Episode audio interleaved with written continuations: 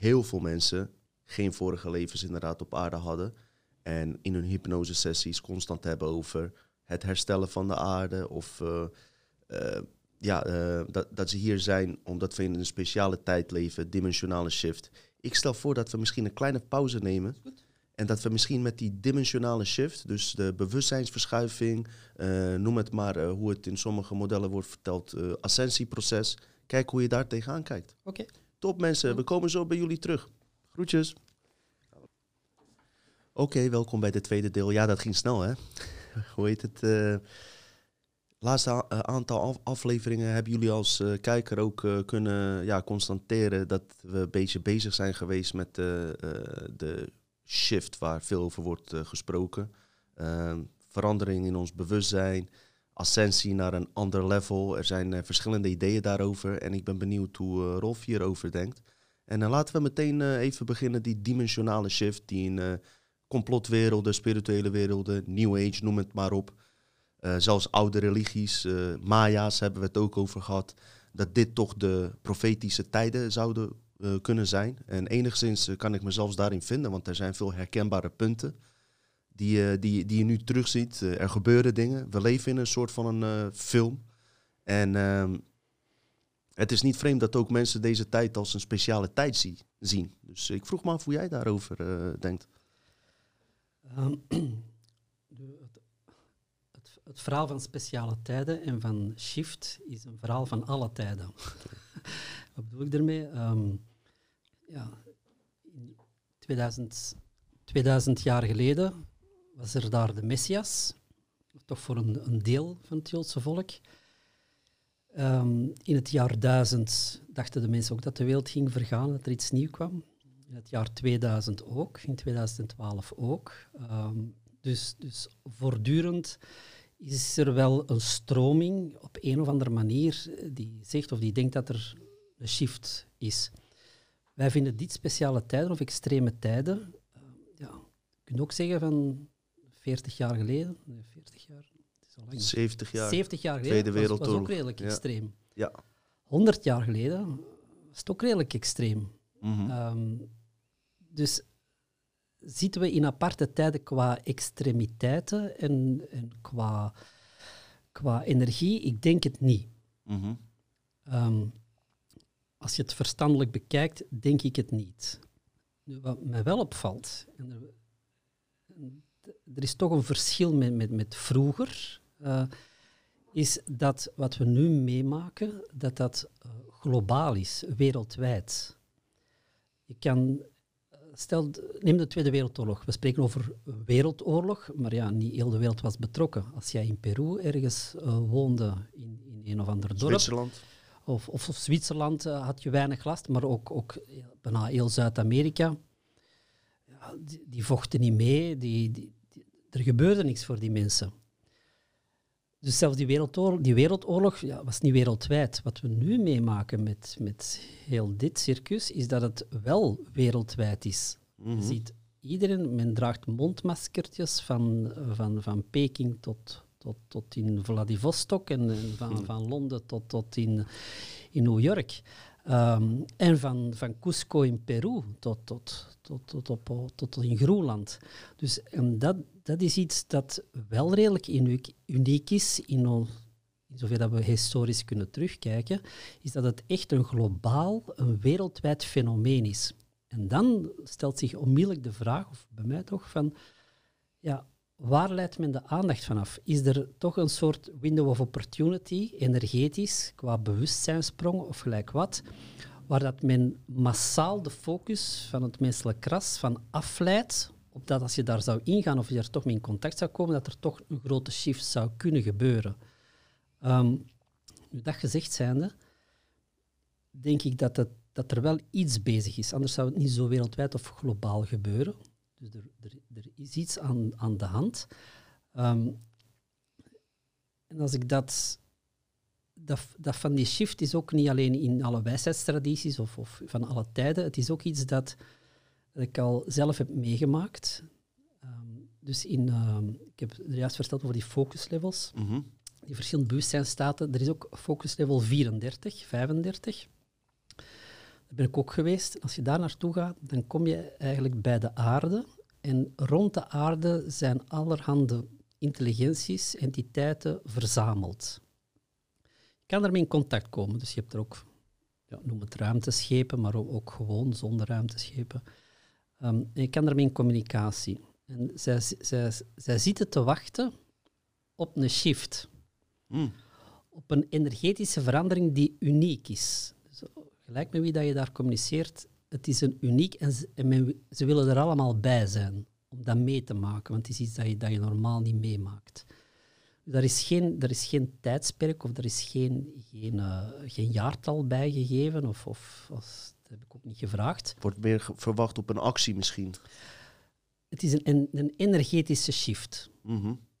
En iedereen wil erbij zijn, alle mogelijke intelligenties. Dus natuurlijk, dat wil zeggen dat dat, dat concept van die shift, zowel in deze realiteit al gedurende duizenden jaren als, als daar, dat is er wel, dat concept. Ja. Maar wanneer dat gebeurt of hoe, dat weet ik niet. Mm -hmm. Aan de andere kant, zoals ik er juist zei, ik heb wel de indruk dat we in een soort cruciale situatie zitten, omdat het wereldwijd wordt de aandacht afgeleid. De menselijke focus, de menselijke creatiekracht wordt weer op iets anders ge, ge, gefocust. Dus ik heb de indruk dat op dat vlak wel een soort window of opportunity is, maar enkel en alleen dat je het zelf doet. Mm -hmm. Niet dat er iemand dat voor jou gaat doen, of niet iemand die deze huidige situatie gaat afbreken of teniet doen of, of ongedaan maken. Het begint altijd bij jouzelf. Mm -hmm. Het is nu, als je dan toch gelooft in shifts, het is nu dat je het zelf in handen neemt, de autoriteit pakt en de shift persoonlijk begint teweeg te brengen. Je wacht niet op iemand anders, je wacht niet totdat er uh, een of andere profeet jou komt verlossen, je wacht niet totdat een of ander buitenaardstras jou komt verlossen, je, je, je wacht niet op, op gelijk wat, nee, je doet het zelf. Mm -hmm. Doen wil niet zeggen dat je er actie moet in ondernemen. Doen wil zeggen geen fysieke actie, maar actie energetisch. Dat jij begint te shiften. Als jij begint te shiften, kan alles beginnen shiften. Ja. Dat is mijn... Ja. Zo sta ik er meer in. Ja, vind ik, uh, vind ik een heel interessante. Want als we van kwantumfysica uitgaan, is, hoort het ook zo te gaan. Want pas als het in jouzelf gebeurt, heeft het effect op de fysieke wereld buiten. Ja. En plus, ik vind nu, als je dan toch met bewustzijn bezig bent en je wilt een shift teweeg brengen, is het nu wel de moment. Mhm. Dat het heel zwart-wit is. Ik heb, ik, ik heb het ook al eens tegen iemand gezegd van, dit zijn gezegende tijden als je met bewustzijn bezig bent. Dus Toch die- wel. Ah ja, Dat werd een paar honderd jaar niet gezegd? nee, nu wel, omdat het juist zo extreem is. Ja. Ben je met bewustzijn, Ja. je, je hebt nog twee keuzes. Ofwel volg je alles wat, wat dat er van autoriteit wordt gezegd en geef je autoriteit weer uit handen, je eigen gezag, of je doet het niet. En dit is een echte zwart-wit situatie, een wereldwijde zwart-wit situatie, waar dat jij jouw autoriteit nu eindelijk eens kan claimen voor jezelf. Energetisch. Ja. Ik, zeg, ik zeg niet dat je, dat je hier, hier op de barricades moet gaan staan of zo. Het gaat over energetische claimen. Ja. Jij maakt je vrij van wat dat een externe autoriteit oplegt. En ehm, als, als bijvoorbeeld eh, eh, genoeg mensen dat doorhebben en ze zouden bijvoorbeeld eh, in groepjes gaan eh, staan, Mhm. een soort eh, collectief veld opbouwen, zie je daar iets in? Ehm, groepjes in, in, het, in, het, in, het, in dit materiële aardse model niet. Alle mogelijke groepen die met alle beste intenties zijn begonnen, Hebben nooit iets grote bereikt. miserie. Nu, ik geloof wel meer in het concept van samen voor onszelf. Ja, met eigen inbreng. Ja, dus dat je echt vanuit de, de eigen autoriteit, vanuit de eigen autonomie, Jouw die unieke shift- kracht. die shift, ja, jouw unieke kracht, jouw authenticiteit, jouw originaliteit, dat je die claimt en naar buiten brengt.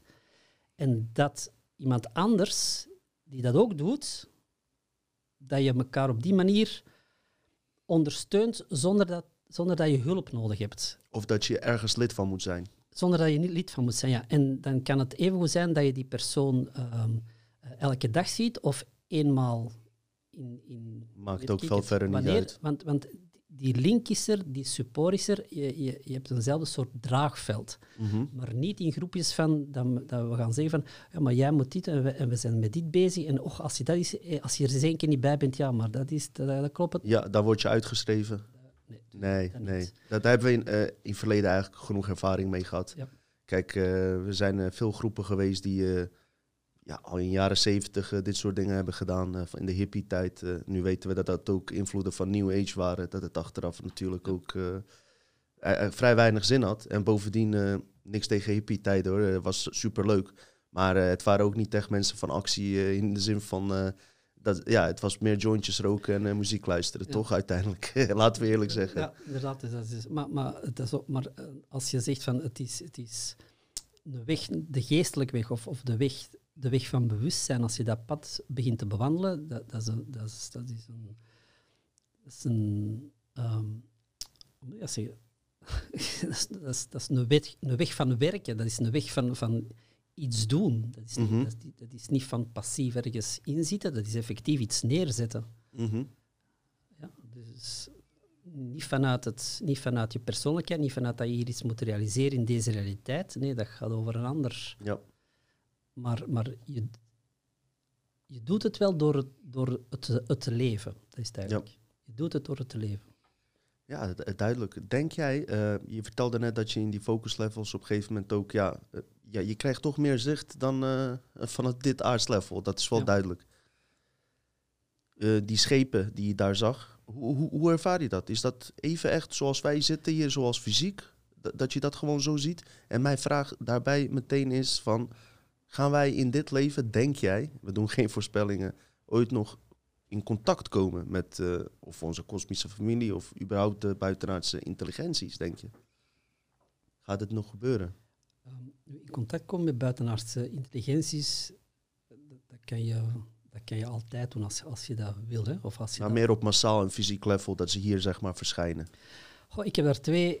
ehm massaal en fysiek level. Goh, ik, ik heb daar twee dingen. Ten eerste, als je, hangt er een beetje vanaf wie, wie, wie, dat, wie dat verschijnt. Als het, als, het een, eh, als het beschavingen zijn die ruimteschepen nodig hebben om hier te komen, zijn het primitieve beschavingen. Oké. Want jij als mens hebt geen ruimteschip nodig om naar het einde van het universum te reizen met je bewustzijn. Klopt. Dus die komen uit andere ma- matrix of zo. Ik weet niet, maar als, als, als dat is, als ze met ruimteschepen zouden komen, dan heb ik zoiets van redelijk primitief. Ja, Als zij ook eh, zich, ehm, als zij de huidige structuren van de machtsstructuur van de aarde en vooral heel het piramidespel eh, van, van autoriteiten en, en parlement en noem maar op, als ze dat, als ze zich confirmeren aan die structuren en ze gaan, ze stellen zich in contact met de leiders van deze wereld, hè, Ja. met Mark Rutte bijvoorbeeld, en die gaat dan zeggen wat, wat dat de bedoeling is, dan klopt het ook niet. nee. Ze zullen niet met hun... eh, Dan klopt het niet. Dus ik, eh, dus, maar dat, dat kan wel een fysiek contact zijn dat, dat zich zal manifesteren. Eh, er zijn bepaalde theorieën en bepaalde eh, ja, verhalen die zeggen van dat, dat, een, dat dat een fase is die op komst is, waarbij dat, dat, dat buitenaardse zich gaan vertonen. terugkomst van de goden, wat ook in de Terugkomst van de profetische... goden en ja. dat, dat ze dan, dat ze dan eh, een reeks zaken gaan oplossen. Eh, weet ik het, kanker genezen. eh, Vrije energie. vrije energie, vervuiling tegen, weet ik het wat, wat dat ze gaan doen. Ja. En dat- op dat moment gaat de mens zeggen van, oh, wow, wordt de mens weer al gered?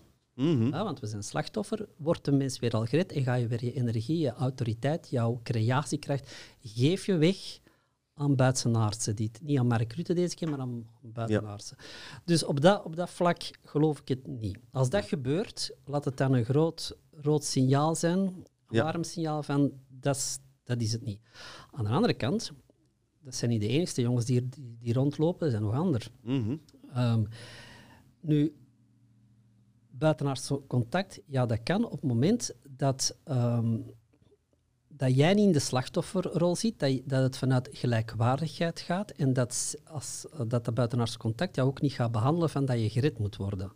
Maar dat die gelijkwaardigheid, die evenwaardigheid er is. Natuurlijk, omwille van al onze constructies, onze geloofsovertuigingen en wat men jou van jongs af aan heeft uh, wijsgemaakt, en mij heeft wijsgemaakt, iedereen wijsgemaakt, dat, dat, jou, dat de kennis en autoriteit dat ligt altijd buiten jou. Je hebt altijd anderen nodig om Mhm. iets te doen, om, om, om geholpen te worden en noem maar op. Zolang dat je in die geesteshouding zit en niet je eigen autoriteit weer claimt, ja, wat, gaan, wat gaat dat buitenaards contact, dat echt buitenaards contact, de, degene die, die energetisch op, de, op een juiste manier vibreren, laten we het zo zeggen, ja, wat is de meerwaarde voor hen dat ze hier zouden komen? Dus ik denk, het is meer dat als jij in sync gaat leven met wie dat je echt bent, vanuit je wezen, vanuit je wezen gaat leven, dan wil dat wil zeggen dat je niet gaat beïnvloed worden, of veel minder, door alle mogelijke geloofsconstructies, die er onvermijdelijk blijven. Hè? Want je bent nog altijd mens in deze realiteit, je kan je niet van alles ontdoen. Vergeet Nee. dat.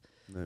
Maar toch dat je gevrijwaard wordt of dat je zo, zo breed mogelijk gaat, dan hebben zij een reden, dan hebben zij een opening, om het zo maar te zeggen, om hier wel te komen. Mhm. Dat is meer mijn indruk. En dat gaat via een andere manier, hè? niet via reizen op eh, verre afstanden. Nee, maar dan kunnen ze hier wel komen. En of dat ze dan in eerste instantie dat zij hier bij jou komen eh, en een, een soort communicatie gaan geestelijk, dat kan. Gaan ze zich hier ook, gaat het hier ook fysiek komen? Dat kan ook. Ja. Dat weet ik zelf, dat, dat weet ik zelf niet. Maar ik denk dat dat de ingang is. Voor mij zou dat de ingang zijn. Als, als, als buitenaardse rechtstreeks met jezelf contact opnemen, dan klopt het. Want dan respecteren zij, jij, jouw autoriteit en jouw gelijkwaardigheid, niet alleen ten opzichte van hen, maar ten opzichte van heel de mensheid. Ja. En dat is een heel ander verhaal. Maar natuurlijk, wij zelf ook, we zitten voortdurend in allemaal constructies, waardoor dat, misschien zijn ze al voortdurend van alles aan het doorzenden, of, of, of dat we gewoon niet opvangen, of verkeerd interpreteren, of dat kan ook allemaal. Misschien eh, is er ook een gevaar voor hen om hier te komen. Heb ik ook zelfs in Dolores boeken, haar boeken gelezen dat er beschavingen waren die hier eh, kwamen en vast, in, ja, eigenlijk wat je net ook vertelde, vast in de matrix kwamen. Oké, ons totale zelf, kan je ook zeggen, is, is van, van Ja. buiten dit, is, is, is hier ook gekomen. Ons bewustzijn dat wij hebben gekoppeld aan deze lichamen, komt ook van ergens anders. Ja. Ehm, je kan hier vastgeraken. En het is zelfs zo, dus die, die, ehm, ik heb daar net gezegd, dat bij dat reïncarnatiemodel, die, de, de, de disharmonie van al die gedachten eh, en alles, dat is een enorme sterke energie. Die is niet gecontroleerd, want wij denken, we hebben voortdurend invallen en gedachten waarbij dat we niet van bewust zijn. Dat is op dat moment dat is energie die je uitzendt, maar dat is heel sterke en, en, en soms ja, snijdende energie. Voor wezens die dat wel beheersen en in harmonie zijn, ja, komt dat heel hard over. Dat kan hun kwetsen. Ja. Dus vandaar dat we ook trouwens bij, eh, in de programma's een techniek leren, een rebol, waarbij dat je energie bij jou kan hou- houden. Ook als je in contact bent met andere intelligenties, dat je die eigenlijk niet, niet beschadigt of dat je die geen pijn doet, onbewust, maar dat je dat bij je houdt. Dus dat zijn, eh, ja, dus die kunnen hier, en hier verstrikt geraken, maar ook nog eens als ze persoon met jou contact leggen, door, door, door jouw ongecontroleerde emoties ook nog eens geraakt worden. Hmm. In het verleden, eh, gaan we even terug naar die Anunnaki-verhalen, eh, blijkt het in hoeverre we de geschriften moeten geloven, want ook die kunnen gefalsificeerd zijn. Ik weet dat het een heel ingewikkeld verhaal is, kan ook uit andere tijdlijnen zijn neergezet. Ook de stukken van Zechariah Sitchin. Maar ja, er wordt naar verwezen dat, toen die, dat er toen wezens waren, noem het maar reuzen, en, ehm, die gewoon tussen de mensen leefden. Nu niet meer. Eh, acht jij dat mogelijk? Dat, die, dat het kosmische astronauten waren die ook echt tussen de mensen geleefd hebben? Eh, dat, dat kan. Je, je vindt verhalen of, eh, van reuzen en voorstellingen van reuzen door in alle tradities ook. Ehm, ja, in Egypte worden die farao's groter afgebeeld dan de andere mensen. Misschien was dat wel op echte, was dat wel een echt formaat. Die zekere eh, dingen, ehm, Amon en, en zo, eh, die, ja, die werden groter en die had ook die, die Ja, schedel toe te gaan. Ja. Dus wie weet waren ze effectief zo, zo groot. Maar dan heb je door in alle eh, tijden heb je verhalen over reuzen. Ja. Dus, dus, en ook in de Bijbel staat het, hè, de, de, de, de zonen van de goden worden als reuzen voorgesteld die, die dan de, de, de vrouwen van de mens Ja. gingen... Gevallen engelen. Dus, dus ja, het zou me niet verwonderen. Er, er kwam veel techniek aan te passen ook. En er zijn ook toch afbeeldingen die toch sterk lijken op eh buitenaardse schepen. Die, eh, weet je? De- dus eh, Die, dat zie je ook inderdaad overal.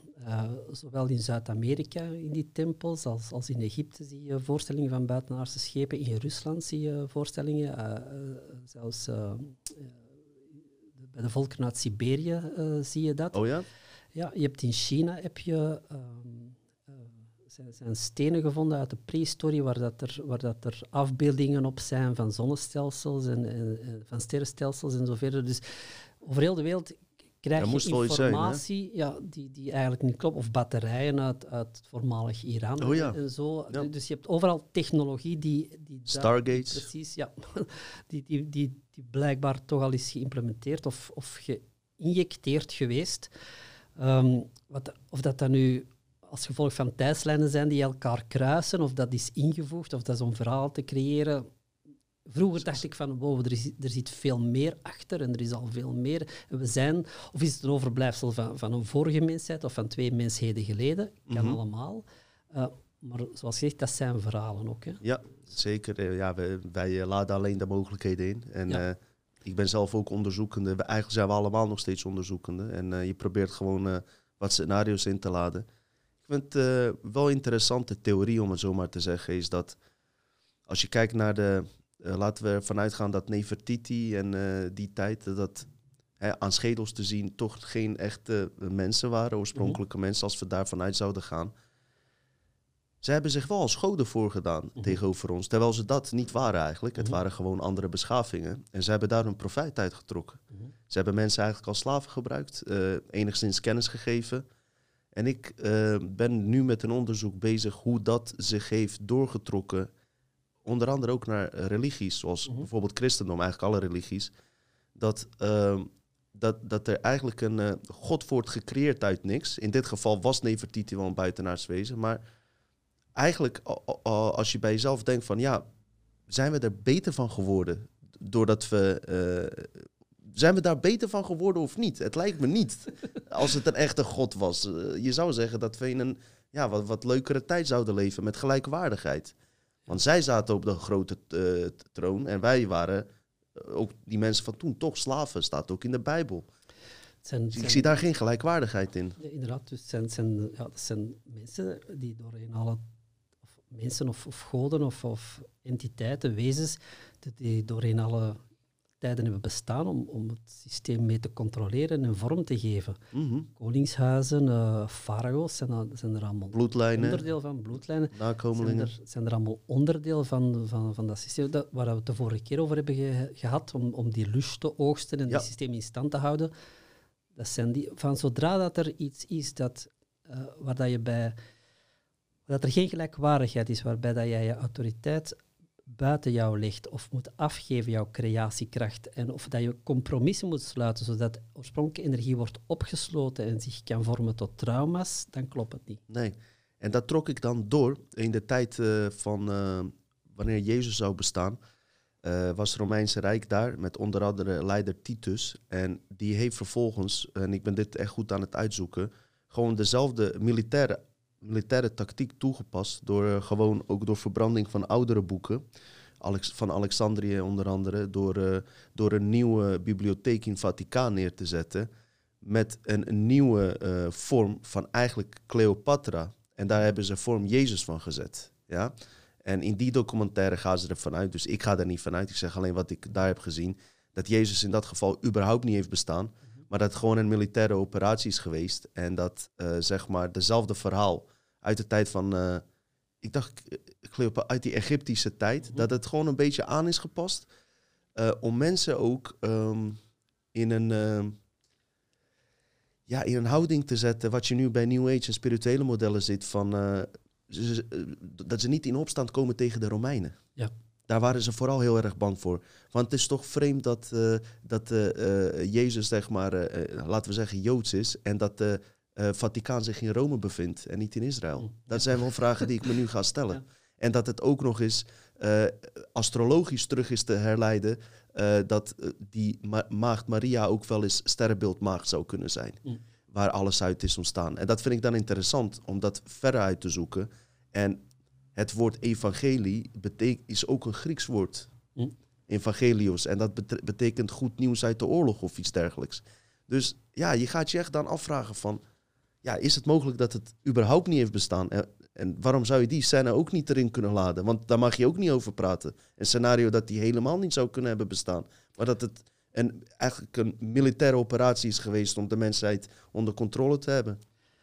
Ehm, ja, wat hij zegt is inderdaad, kan inderdaad heel goed zijn. Nu, Jezus als historisch figuur, er is, is amper, eh, zijn amper geschriften over, over, over het feit dat hij heeft bestaan. Andere, eh, ook, in, de Griekse oudheid of door Grie- Griekse geschiedkundigen wordt hij niet vernoemd. Ook in, in andere eh, geschriften wordt hij eigenlijk ook niet vernoemd. Als je denkt dat hij zo'n impact zou hebben gehad, ja, kan je afvragen of dat hij effectief heeft bestaan. Aan de andere kant, ehm, het ideeëngoed, als je dat als je de autoriteit, het instituut dat het heeft gemonopoliseerd via de katholieke kerk, als je dat even weglaat, je kijkt naar de oorspronkelijke ideeën van, van wat dat Jezus zegt, dat zijn wel oorspronkelijke ideeën die, die overeenkomen met shamanisme, de gnostici, waarbij dat die persoonlijke relatie van, van het individu naar, naar God, dat dat de enige link is. Of Mhm. naar een andere kracht, of, of naar buitenaards, of hoe dat je het ook wilt noemen. Maar dat het uitgaat van jezelf. Zoals we de vorige keer hebben gezegd, Koninkrijk Gods is in jou. Christus, Dus daar energie. ligt, daar ligt de kracht, daar ligt, dat, dus, dus ben jij, het is, niet- het is niet de rest. Dus het ideeëngoed dat eigenlijk door Jezus wordt gepersonifieerd in het Nieuw Testament, dat is, dat, is een, dat is een oud en fundamenteel ideeëngoed dat ook getransformeerd is geweest door een instituut als de kerk. En zeker als je het bekijkt, Nieuw Testament, Oud Testament, dat zijn twee, Ja, je zei het, ja, zijn twee verschillende goden, is, is, helemaal iets anders. Ja. Dus in dat opzicht zou ik zeggen van, als je dan toch zegt van, ik wil in Jezus geloven, heel goed, geloof dan, ehm, geef je kracht daar ook niet aan weg, aan, aan Jezus, maar beschouw het als een metgezel, als een gelijkwaardig figuur vanuit jouw wezen, vanuit jouw energie, die, die relevante dingen heeft gezegd en waar dat je te samen mee kan, kan lopen. Dus, dus als jouw voetsporen die van Jezus volgen, of, of is goed, maar volg wel je eigen voetsporen. Die kunnen een tijdje samenlopen, maar als die uit elkaar lopen, is het ook goed. Ja. Dus, en op die, dus voorafgoot dat ook niet. Ja. Ze, ze, ze gaven in die documentaire ook eh, aan dat eh, het kruissymbool eigenlijk pas in het jaar 600 kwam. Dat dat überhaupt da- daarvoor niet was. En dat het ook op een psychologische wijze is gedaan eh, door... eh, er was natuurlijk geen bewijs, maar als jij 100 jaar lang ehm, eh, jouw bibliotheek constant aan het opbouwen bent en oude gegevens eh, vernietigt, na 100 jaar, na een generatie, weten mensen het al bijna niet meer. Hè? Toen kon niet die, we hadden niet de techniek om eh, alles na te checken. En ze hebben dan bewust ook, er zijn 49.000 verschillende christendomstromen, waardoor je in een doolhof zit waar gewoon geen uitweg is. Want eh dan zeggen ze, ja, maar die vorm van christendom zegt dat.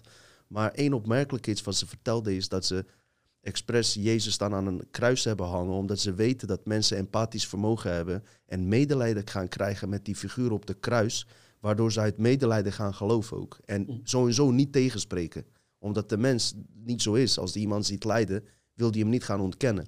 Dus dat vond ik wel interessante dingen. Ik ga dat zeker mensen trouwens goed uitzoeken. En als ik het goed onder controle heb, zal ik er een podcast over maken. Ik weet er niet genoeg over, maar het is wel interessant. Zeker interessant daarover.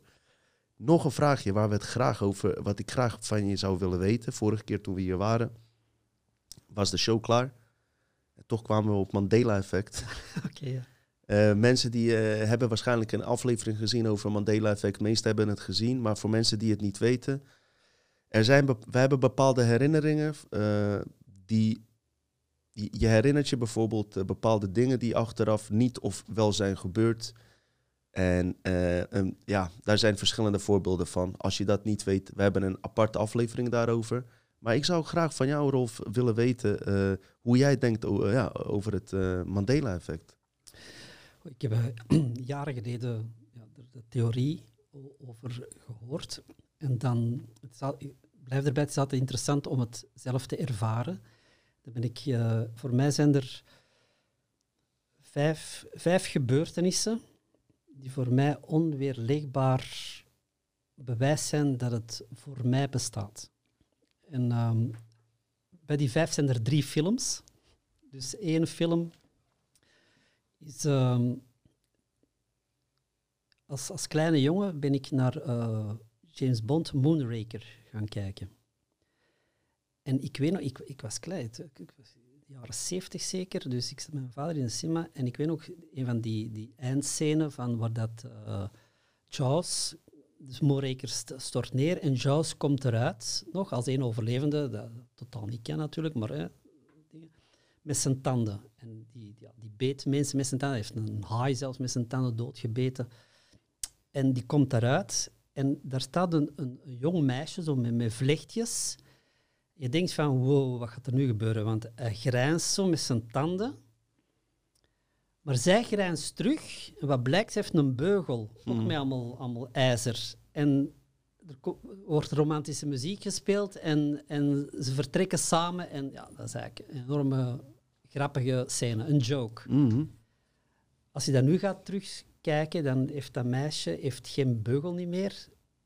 Die film is nog altijd, die scène is hetzelfde, maar die beugel is weg. Ja. Dus- Maar die scène slaagt op niets meer. Nee, want dat was de grap juist. Dat was juist We hebben grap. hem ook behandeld in onze Voilà. aflevering Dus- toevallig. Dus, die, ja. dus, dus dat, was één, dat was één film voor mij. De tweede film voor mij was eh The Philadelphia Experiment. Mhm. Eh, er, is, er is een film in de jaren, ik heb dat ook als jonge, eh, jongen gezien, een film uit de jaren 50 of 60, The Philadelphia Experiment, ehm, met, eh, ik dacht dat het met Gary Grant was. Dus er bestaat ook nog een, een film nu met Philadelphia en iets. Maar dat is ja, in ander- maar dat is- 1984 kwam die dat is een ander ja. verhaal. Ja, maar ook een met Gary Grant. dat, is, dat een ander verhaal. Maar ik heb daar het Philadelphia Experiment gezien toen met mijn vader. Ik was nog jong. Ehm, en waar dat de eindscène is, dat, dat ze komen terug met, met het schip dat was verdwenen. Maar op de kade staat dan een die hun in het begin had, had uitgewuifd. En die komt als oude man, komt die, komt die eh, kom- komen ze die terug tegen. Die komt dan toch naar de, naar de kade. En dat is eigenlijk ja, een, een, een, dat is het, dat is de slotscène. En toen heeft mijn vader over het Philadelphia-experiment zitten praten. Nu, ik heb dat onlangs, ik denk aan, naar aanleiding van wat dat jij erover had, Mhm. had verteld, heb ik daar, eh, ben ik die film terug gaan opzoeken en ik vind die niet meer terug. Dus die film uit de jaren 50, 60, die bestaan niet. Dus dat was, dat was voor mij ook van, oeps, dat is weer iets. Dan eh, een derde film is eh The Sound of Music 2. Ik ken de eerste ook niet. The Sound of Music, ken je niet? Dat is een heel Nee. bekende. Ja, waarschijnlijk kijkers wel. Ja, maar dus- misschien als ik hem zie hoor. Dat is dat een musical met, met Julie. Andrews en, en eh, de familie von Trapp. eh, ah ja, Oh. oké. Sound of Music 1. En jaren geleden zei er iemand, ik ken iemand die, die echt fan was, dat is zo ondertussen ja, 30 jaar geleden. Ik zei, ah, heb je ooit een 2 gezien? Oh nee, nee, bestaat er een 2? Ja, ja. En die is dat gaan opzoeken, die vond dat niet. Ik, ik heb dat ook gaan opzoeken. Sound of Music, ook op IMDb. Je vindt geen Sound of Music 2. Maar je zou hem wel kunnen vertellen uitgebreid waar die over ging en alles. Uitgebreid niet meer, want ik was Oh, nog, globaal, ik was nog ja, kind, maar, maar ik weet dat de beginscène... eh, Dus de eerste film, dan, dan vluchten ze. En de tweede film begint dat ze over de Alpen zijn, dat ze in een dorpje komen. En, en dus ik heb die gezien. Ik ken, nog, ik, ik ken nog andere mensen die die ook hadden gezien. En ik vond het heel leuk, een van de mensen die eh, de Gateway heeft gedaan, die zei van, ah, mijn vader zegt ook dat hem The Sound of Music 2 heeft gezien. Dus ik was blij dat er toch nog anderen zijn die het zich Mm. herinneren. Maar in deze tijdslijn bestaat die niet. Dus dat, wa- dat waren drie films. Dan is er nog eentje dat ik... eh, dat is eh, De Moord op Kennedy. Mhm. Dus in, in mijn tijd, in mijn tijdslijn, zaten er vier mensen in de auto. Ja. En nu zitten er zes in. ja, dat is sowieso bizar. Dus, en ook eh, als, als, je mensen, eh, als ik dat mensen vraag, en zeker van, van, van onze leeftijd, ik vraag van oké, zeg eens hoeveel dat er mensen in, in de auto zitten. Ja, bij al die mensen, die, die beelden zijn op het netvlies. Mhm.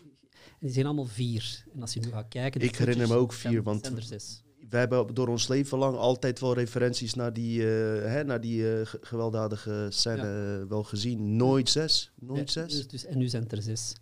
En, eh, en dan nog eentje dat ik, dat ik wil vertellen, en, en dat heb ik zelf voor mijn ogen zien gebeuren. Het was in 2019, nee, ja, 2019, 2 april, 3 april. Ik ben uh, s'avonds nog op mijn computer aan het kijken en uh, ik, ik, was toen een beetje in de ban van, van Harley Davidson en zo. Ik, ik had een Harley dan. Zat je bij de Hells Angels? Nog niet, nee. nee. nog, nog niet. Wel, wel Soortgelijk iets. Ja, voilà. Satudara. um, maar ik was aan het kijken en op een gegeven moment, ik ben op internet en ik, ik klik op iets en tussen Harley en Davidson verschijnt er een, streepje. En daarvoor was dat niet. Dus ik dacht van, oei, dat is, dat is een verkeerde schrijfwijze. Dus ik ga verder kijken, maar ook op het logo staat op dat moment overal een streepje tussen Harley en Davidson. Ik zeg, dat kan niet, want, want ik weet zeker dat het niet is. Je was ermee bezig, Ah ja, uh, ik- daar let je wel op. Dus, dus, ik, dus ik ga, het was half twaalf s'avonds, ik, ik, ik ga naar beneden en ik, had, eh, eh, ik ga kijken naar... En op de, de benzinetank, tussen Harley Davidson, staat er een streepje. Ik dacht, Wow. man, dat kan. Ik, ga me, ik had een jas, ik ga, tussen Harley Davidson. Dus ik bel, ik bel naar, naar een vriend van mij, die ook een Harley eh, had. Ik zeg, ik zeg, staat er tussen Harley en Davidson, staat er een streepje tussen? Ja, nee, natuurlijk niet, zegt hij. Ik zeg, ga eens kijken. Hij is gaan kijken. Shit, Ja. meen je dat? Ja. Wat is er hier gebeurd? Dus dat is... Nu, het grappige is, de tijdslijn waar dat we uitkomen, is dat op 2 en 3 april ge- gebeurd. Als je dat nu gaat opzoeken, of ik heb dat daarna opgezocht, een paar weken daarna, van Mandela-effect Harley Davidson, in de tijdslijn waar dat we terecht zijn gekomen, is het streepje een paar jaar ervoor bijgekomen. Even kijken. Ja, dat is een brainkraker. Ja. Zo, zo.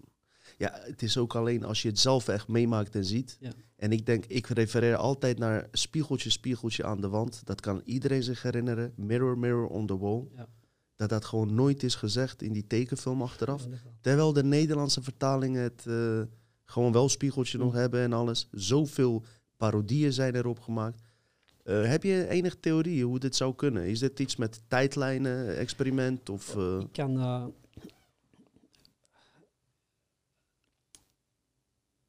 ehm, vermoedelijk wel, ja. Heeft, heeft iets met tijd te maken. Mijn, mijn indruk is, dit zijn eh, randfenomenen. Dat zijn bijwerkingen van, van een hoofdtijdlijn die men wil veranderen. Stel dat men zegt van ja, we willen dat Trump verkozen wordt, we willen dat Trump niet verkozen wordt. eh, dus dan moeten we iets veranderen in het verleden, zodat dat wel of niet kan gebeuren. Dus dit zijn bijwerken. Dat zijn side effects van, van een grotere stroming in mijn ogen. Nu, wat interessant is, ik heb ehm, via het Moreau Instituut, er zijn ook mensen ehm, eh, die, die met remote viewing eh, noem maar bezig zijn geweest. Ik heb eh, ooit een rapport gezien, of, of, ja, van de van CIA en van Militaire Inlichtingendienst. Dat is een rapport uit 1978. Dat was een rapport voor, opgemaakt voor de Joint Chiefs of Staff. Dat wil zeggen, het is een rapport dat werd voorgesteld aan het hoofd van de luchtmacht, het hoofd van de landmacht, het hoofd van de zeemacht en aan de president. Dus, dat, dus vier- en vijf sterrengeneraals en de president. In dat rapport staat een, een beschrijving van verschillende fasen van paranormaal onderzoek en vermogens die men aan het ontwikkelen is binnen de eh, Amerikaanse geheime diensten. In 1978 staat dat er, eh, er zijn 13 fasen gedefinieerd en in de laatste fase voorziet men dat men eh, binnen afzienbare tijd eh, zowel het verleden als de toekomst kan wijzigen. Niet alleen eh, voorwerpen in het verleden plaatsen, maar echt daar de, het verloop van de geschiedenis kan veranderen. interventie daarop plegen? Ja. Dus dat staat letterlijk in dat rapport aan de Joint Chiefs of Staff. Officiële documenten. Ja, officieel documenten. En als, toen, dat- toen, dat ik dat zag, dacht ik van, nou ja, men kan het ondertussen. Mhm. Mhm. Het zou ook kunnen dat, eh, dat er bijvoorbeeld bij die alternatieve tijdlijn net iets anders is. Het zou ook kunnen dat er constante strijd is om tijdlijnen, misschien van de eh, rassen die nog veel langer hier bekend mee zijn. Mhm. En dat er zo en zo vanaf daaruit ook met onze tijdlijnen uh, zeg maar, dingen gebeuren. Het is. Maar ook daar, je kan, als je op een tijd, als je spreekt over een tijdlijn, dan zit je, ben je in één richting aan het kijken. Dat kan zo'n tijdlijn zijn, dat, of we springen op een andere, of we kunnen springen naar, naar, naar die. Is er een hoofdtijdlijn? Ik, denk, ik weet niet of er een hoofdtijdlijn is, maar als je van boven begint te kijken, kan je al die tijdlijnen wel zien. Oh ja.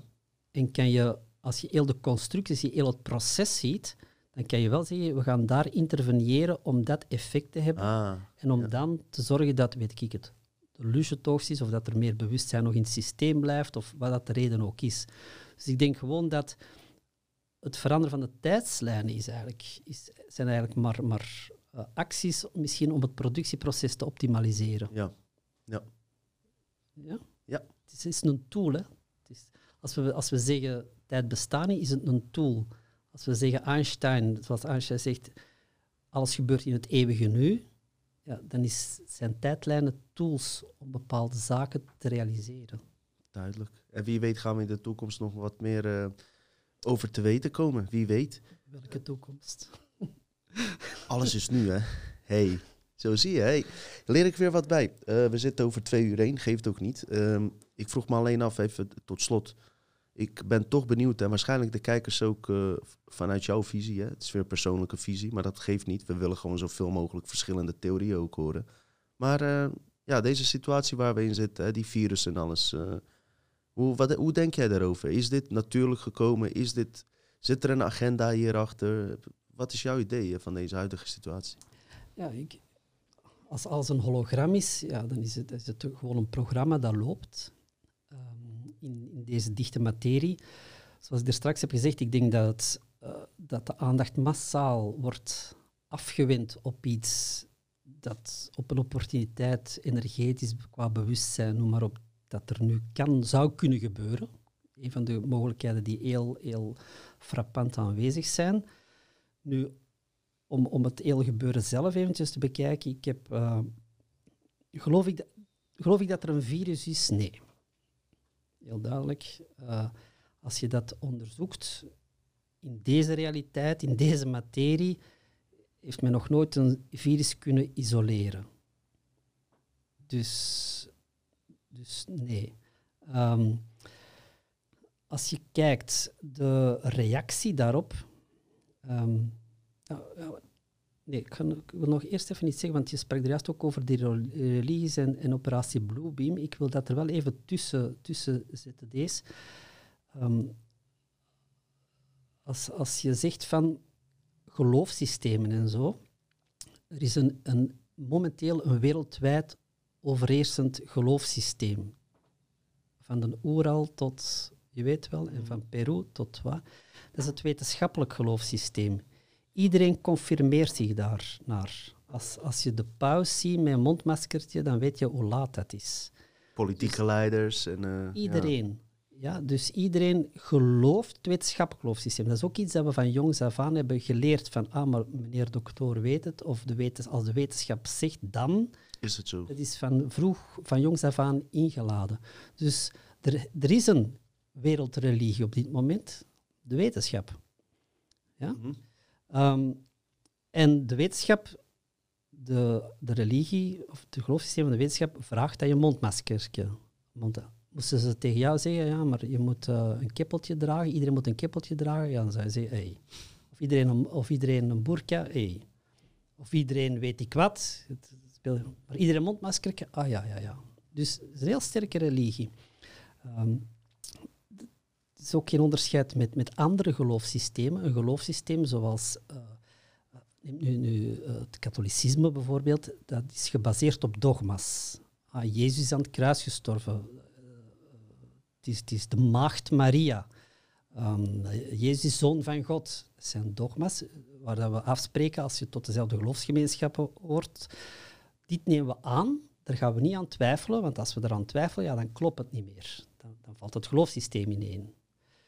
Hetzelfde met, wetenschap. Dat zijn geen dogma's, dat zijn axioma's. Ah, wiskundig axioma door uh, twee punten gaat, door twee verschillende punten gaat juist één rechte. We nemen dat aan. We kunnen dat niet bewijzen, we nemen dat aan. Als we dat niet aannemen, als we het niet over eens zijn, ja, dan zou dit huis hier niet, niet staan. Dus ik zeg niet dat dat slecht of goed is, daar gaat het niet over. Maar het is, het is ook een geloofspunt dat je aanneemt en van daarop gaan we verder bouwen. Hetzelfde met de zwaartekracht. Zwaartekracht is niet bewezen, is een postulaat. We nemen dat aan. Oké. Dus de technieken zijn hetzelfde, maar iedereen gelooft dat. Dus we, we zitten al in een wereldwijde religie, de wetenschappelijke re- religie op dat punt. Dus wat zien we nu ontvouwen? Dat die enorm veel macht heeft en dat die er ook alle, alle structuren, ehm, die zorgen er nu voor dat jij toch maar confirmeert aan wat er van buitenaf gezegd wordt. Dat jij voortdurend in een, in een, in een situatie zit van, van onmacht, van frustratie, want het, want het, het, ehm, het, botst met, met, met jouw vorige eh, levenservaring. Ehm, en je kan ook zeggen van ja, maar ik geloof er niet in. Of, mm, maar je wordt er wel voortdurend mee geconfronteerd. Er is een overheersende energie, veld, een energetisch veld van heel het menselijk bewustzijn. En zowel in Nederland is het misschien hier en in België is, is daar, eh, in Frankrijk is daar, weet ik wat. Maar het is een gemeenschappelijk veld dat ervoor zorgt dat al jouw energie toch, dat dat toch wordt beïnvloed. Dus het is een enorme beïnvloeding, een enorme indoctrinatie die volgens mij niet gestoeld is op enige, zelfs wetenschappelijke feiten. Als je, als je echt de cijfers begint te bekijken en van waar het de cijfers komen en de meetmethode, dan is het absurd. Ik zal één voorbeeldje geven, gewoon, um, maar misschien wel gekend. Afgelopen jaar is er, is er een balans opgemaakt, 2020. Het meest erg getroffen land, verhoudingsgewijs, was België, wereldwijd. Dus de meeste overledenen ten opzichte van, van bevolkingaantal. Als je dat even, even gaat bekijken, uh, wat ik heb gedaan, is, ik ga dat even heel snel zeggen, is, weet jij wat de gemiddelde leeftijd is van iemand die is overleden aan COVID?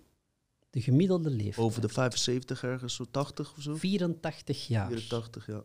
84 jaar. Gemiddelde leeftijd is 84 jaar. Levensverwachting in België vorig jaar was 81,8. De gemiddelde levensverwachting. Ja. Dus, ay, om het on, wil niet onrespectvol zijn, Nee, maar nee, dat is nee, al drie, tuurlijk. drie Ja. jaar boven datum, bij wijze Ja. van spreken. Ehm, dat eerst. Van die, van die mensen zijn er ongeveer een 20.000 overleden. Meer dan 60, tussen de 60 en de 70 procent had drie of meer aandoeningen. Drie of meer. Drie of meer. 44 procent had kanker. Hm. Ja? Zoveel procent had hartproblemen, in de 30. Zoveel problemen had nier, zoveel dingen. Dus, dus, dus 60, 70 procent van die 84, gemiddeld 84-jarigen had drie aandoeningen of meer. Drie, hè? geen twee, niet één, drie. Drie. Ja, dus, dus absurd. Ehm, dus dat, dat, dat, is, dat is een gegeven. Dat kun je gewoon, ik heb dat ook aan, aan bevolkingstabellen en, en, en zitten opzoeken en zo. Ehm, dat dan ga, kan je zeggen, oké, dus degene die echt aan COVID zouden zijn gestorven, ja, dat is dan nog een klein, een klein percentage van de die. Want als het COVID zou zijn, dan is dat gewoon een druppel geweest, want die zijn aan andere zaken gestorven. Dan kun je zeggen van, ja, maar hoe wordt dat dan gemeten? Ah, die PCR-testen en autogentesten. Dus je hebt de PCR-test en je hebt de PCR-sneltest en de autogentest. PCR-test is uitgevonden door Carrie Mullis, een dokter. Ze heeft een Nobelprijs geneeskunde gekregen. heeft zelf gezegd dat het Ja. niet Klopt, ja. Geschikt is voor infectieziekten. Dus vergeet dat. Ja. De sneltest, men heeft dat getest zo in, in het parlement in de, was het Oostenrijk of Ja, cola, met cola Oostenrijk, hadden ze met cola. getest, alles was Dus, dus, positief. dus de wetenschappers kunnen dat verklaren. Ja, maar we kunnen dat verklaren. Dat is goed, dat mag je kunnen verklaren, maar uw test werkt dan niet. Hè. Als, je, als cola positief is, ja, je mag dat kunnen verklaren, maar dan werkt uw test niet. Tanzania, hetzelfde, die president heeft ook al mogelijke testen nou niet stoppen doen met cola drinken. op geiten en weet ik wat. En die werden ook allemaal positief van COVID. Du- Dus de testen werken niet. Dus op wat zijn de cijfers dan gebaseerd? Op niets. Hoe kunnen de artsen, vraag ik me altijd af, eh, dan massaal, massaal zo hier in meegaan, terwijl het toch, je zou zeggen, verstandige mensen zijn die gewoon eh, hun eh, mannetje zou moeten staan. Ja. Er zijn er te weinig die hierop tegenin gaan. Ik denk dat er veel tegen ingaan. Nee, er zijn veel artsen en wetenschapsmensen die er tegen ingaan, maar die krijgen geen platform. Je hoort ze niet. Dat is alles. Moet je echt opzoeken. Ja. Podcasten en zoals dit wat wij doen, zeg maar. Er zijn er veel. Er zijn, ik, ik ken er ook verschillen die zeggen, maar ja. Of, oh, nu, ik zeg niet dat er niks is. Er, Qua percentage zou je verwachten dat dan toch 90% van artsen zou moeten zeggen: hey, dit is onzin. Ik leg mijn werk meteen neer, klaar. Maar het is een beetje hetzelfde verhaal als dat je ehm, eh, van, van die wetenschapsmensen of van militairen die op, of, of professoren, universiteitsprofessoren die op, gepens, op pensioengerechtigde leeftijd van alles beginnen te Ja. vertellen. Dat valt op, inderdaad, klopt. Dit is een beetje hetzelfde. Hè? Ja. Dreigingsmodel. Als, als je, ik, wij hebben een, eh, we hebben artsen in België die, die daar tegen gaan. Ja, die worden gezegd van ja, je wordt uit de orde der geneesheren ge- ge- gegooid. Je mag je beroep niet meer uitoefenen. En we hebben er straks ook nog even onder ons gehad, maar als er dan een hypotheek is of weet ik wat, of je hebt kinderen of... Dat Ja. angstmodel komt inderdaad boven. Die angst en Chantage. ja, bewust of onbewust, vol- wordt er gevolgd door, door een overgroot deel, uiteraard. En uiteraard is er altijd een stukje dat weet dat het gewoon, Ja. dat het gewoon leugens zijn. Nou ja, we gaan het allemaal zien. Eh, Rolf, eh, even, even volgens mij slotvraag vraag nog aan jou. En daarna kan je zelf nog wat eh, toevoegen, uiteraard. Is van, wat zou jij eh, mensen zeg maar, aanraden in deze situatie? Eh, ik kan me voorstellen, ook met die avondklok, mensen zitten er doorheen. Mm. Eh, ze hebben niet veel ervaring in eh, bewustzijn bijvoorbeeld. Hè? Ze, ze, ze weten nu dat er iets niet klopt. Maar ze weten niet hoe ze in hun dagelijks leven hiermee eh, kunnen handelen. Mhm. Ik weet dat jij ook niet per se eh, mensen eh, raad hoeft te geven of wat dan ook. Maar ja, wat zou je zeggen tegen? Ehm, ten eerste, eh, geef het gewoon voor jezelf toe dat je er rot kunt over voelen, dat je kwaad kan zijn, dat je boos kan zijn, dat je, dat je kan beginnen vloeken en zo. Dus beperk jezelf daar ook niet in. Heb daar geen oordeel over, dus oordeel zelf niet. Oordeel niet over jezelf hoe dat je in deze situatie staat. Dat is al een belangrijk, want dan verzwaar je het gewoon. We zitten nu eenmaal in, deze situatie. We zijn hier met z'n allen. Ehm, en ik heb dat ook.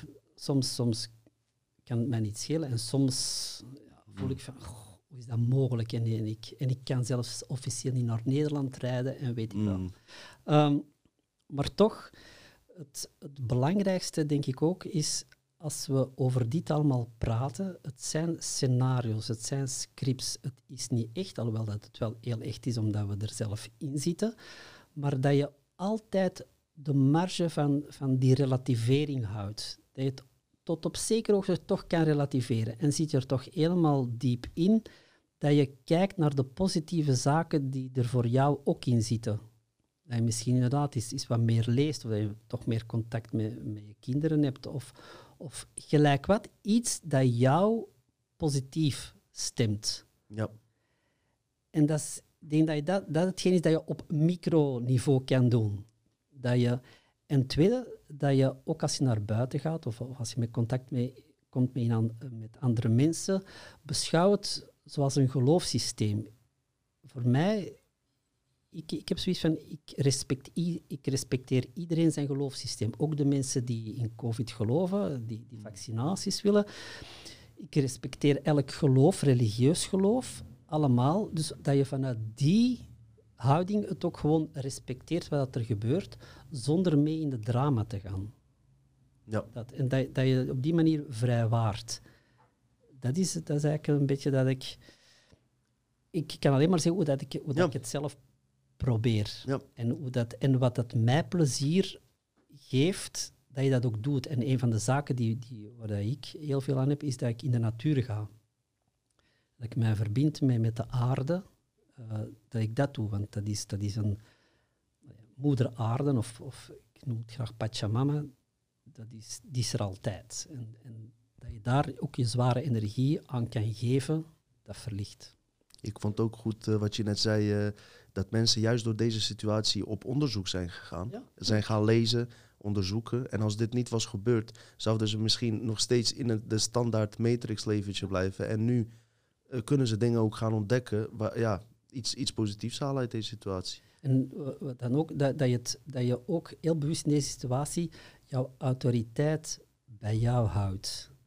En dat wil niet zeggen dat je je mondmasker moet opzetten, maar wel dat je energetisch jouw autoriteit houdt. Ja. Dat, Dat daar bewust van bent. Ja. Dus- Dus het geeft jou de gelegenheid om op meer momenten in je leven bewust te zijn van het moment zelf. als je hem al opdoet, en ik doe hem bijna niet, Tom. Ik heb op een of andere manier, eh, dat is dan mijn realiteit, die, die ervoor zorgt eh, dat, dat er zeg maar dingen gebeuren. Ik heb hier geen last van. Om, ja, ik durf het bijna niet te zeggen. maar ik heb bijna nergens, ne- nergens last van. En als ik enkele keer de- die mondkap op moet doen, doe ik hem gewoon onder mijn neus. Hm. En ze weten ook eh, dat ze niet discussies met me moeten gaan voeren om, om hem ook nog eens normaal op te zetten. Hm. Want ik ga niet mijn eigen adem inademen. En het gaat, het gaat zo. Waarom? Omdat ik er ook geen extra lading aan zet. Dat is precies wat, wat jij zegt. En dan komt dat kwantumfysica, trek je het ook aan. Rolf, heb je nog verder iets aan toe te voegen aan dit gesprek? We gaan straks ook even, misschien ook even linken naar je website, eh, als mensen iets meer over je willen weten. Ja. Je geeft ook presentaties, lezingen. Dus misschien kan je vertellen ook daarbij waar ze je kunnen vinden voor mensen die je niet eerder hebben gezien. Ehm, ik wil nog even zeggen, wat ik allemaal heb verteld, dat is grotendeels uit eigen ervaring of van mensen die ik persoonlijk ken. Maar het is ook dat, hè. Dus het is uit eigen ervaring, ervaringen en, en zaken die ik meemaak in woorden trachten om te zetten. En woorden zijn, zijn soms eh, ja, gebrekkige hulpmiddelen om iets te verwoorden dat je niet in woorden kan onderbrengen, maar dat eigenlijk enkel vanuit de ervaring relevant is. Dus ook van alles wat ik heb verteld, het is geen evangelie, om het te zeggen. Dus, maar ga op je eigen, onder, ga op je eigen onderzoek Ja. uit en pak de tools die voor jou werken. Als dat shamanisme is, pak dan shamanisme. Als dat iets anders is, pak iets anders. En Hemisync is eh, een van de zaken, de programma's die wij geven. Enorme shortcut. De audiotechnologie brengt jou zeer snel in die bewustzijnstaten waarbij dat je zelf kan ontdekken en het zelf kan ondervinden, zodat je weet dat je het kan herkennen dat er iets gebeurt. En van het moment dat je het erkent en het in je realiteit trekt, is het wezenlijk deel van jou. Dan mag de wereld zeggen wat ze willen, oh, maar dat kan niet, dat bestaat niet, en een gathering bestaat niet, en, en overleden kan je niet ontmoeten. Maar als je het zelf hebt meegemaakt, ja, dan weet je dat het wel zo is. Ehm, dus die, en we organiseren effectief een paar eh, ja, cursussen of, of workshops. Je hebt één dag workshop, is de remote viewing, we hebben het de vorige keer ook over gehad. De volgende is 7 maart. We hebben ook eh, de tweedaagse, waarbij dat we gestructureerd naar de eerste twee bewustzijnstaten gaat. Dat zijn de excursion workshops. Dan heb je het weekprogramma, dat is de gateway. Dus 7 maart is remote viewing. De tweedaagse workshops februari, april zijn. We hebben- De volgende is in mei.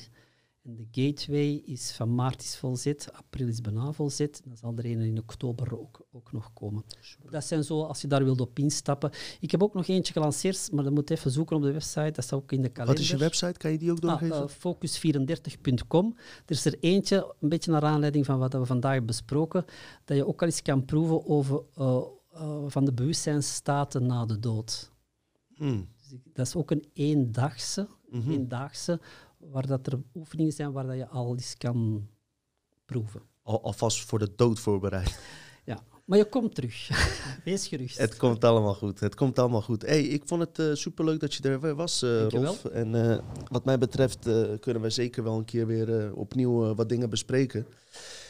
Jullie ook bedankt voor het kijken. En ehm, jullie zullen ons eh, gauw weer terugzien. En ehm, ja, nogmaals, eh, mocht je informatie van Rolf eh, nog ja, wat, meer willen weten, kijk naar zijn website. Maar mocht je de vorige aflevering niet hebben gezien, kijk die ook zeker. Want daar vertelt Rolf en laat ik wat video's zien van het Monroe Instituut zelf en dergelijke. Dus die aflevering is een van mijn favoriete afleveringen. Als je hem niet hebt gezien, kijk zeker bedankt voor het kijken en ik, eh, wij wensen jullie een fijne, fijne toekomstige tijd tegemoet. Het komt allemaal goed, mensen. Groetjes.